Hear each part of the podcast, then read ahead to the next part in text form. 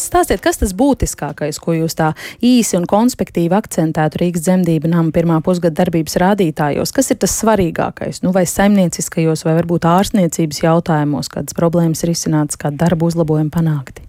Jā, būtiskākais ir, kad mēs īpaši uzmanību esam pievērsuši, kā vienmēr, kvalitātes rādītājiem un tieši pacientu un klientu pieredzes pētījumiem, respektīvi klientu apmierinātībai, jo šis aspekts eh, pēdējā laikā ir ļoti būtisks. Eh, tāpat mēs varam eh, paziņot ar prieku, ka mums tomēr salīdzinot ar kopējo samazinājumu valstī, mūsu samazinājums dzemdību skaita ziņā ir mazāks, jo salīdzinot ar 2021. gada pirmo pusgadu mums ir tikai par 88 dzemdībām mazāk. Valstī kopumā ir par 492 mazāk.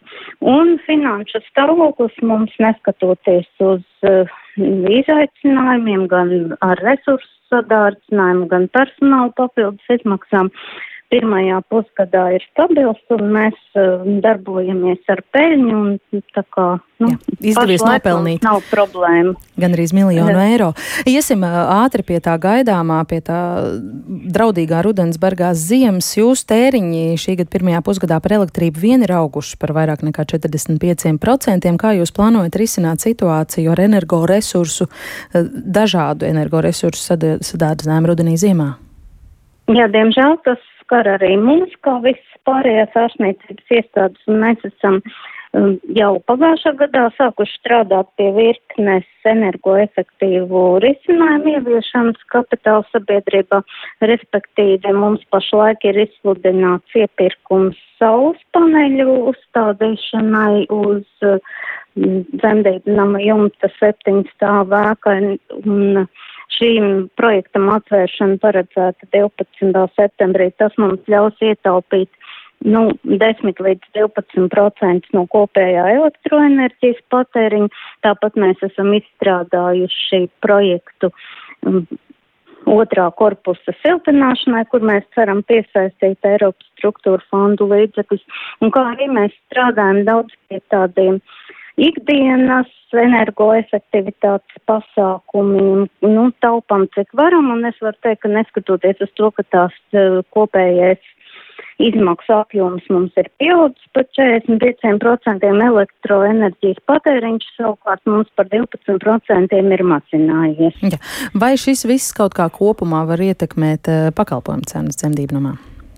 Nu, jāteic, ka principā mums eh, maksas pakalpojumu segments ir tikai nepilni 11% šajā pusgadā un ar tendenci samazināties nākamajā. Uh, pusgadā sakarā ar epidurālām analgēziem, kas tagad ir pilnībā valsts apmaksāts, un mūsu maksas pakalpojumu pamatā ir paaugstināta servisa pakalpojumu, un cik vien varēsim, mēs, nu, domājam, cenas necelsim. necelsim mhm. jā.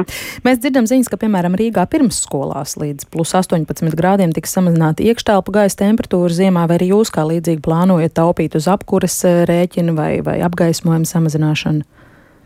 Nu, mēs apgaismojumu samazināt, mm, protams, mēs plānojam tur, kur tas ir iespējams un kur ir pacientiem droši.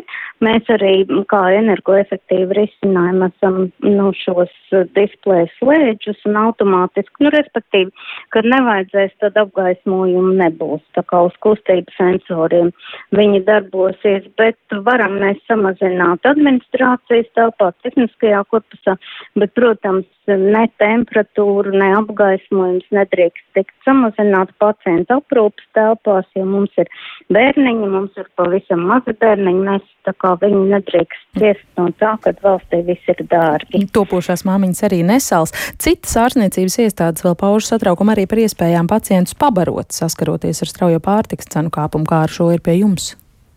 Nu, pagaidām tas mums rūpes nerada, bet, protams, jā, pārtiks cenas pieaug kā visiem, bet nu, tā salīdzinoši ir neliela mūsu kopēju izmaksu sadaļa, mēs, protams, ceram, ka arī valsts, jo mums ir, kā jau teicu, 87% ir valsts apmaksātie pakalpojumi, valsts daļai kompensēs šo sadārdzinājumu, gan energojas resursu sadārdzinājumu, gan arī šīs pārtikas cenu sagārdzinājumu. Nu, katrā ziņā, nu, mums nav tā iestāde, kur mēs varētu taupīt uz māmiņu ēdienreizēm.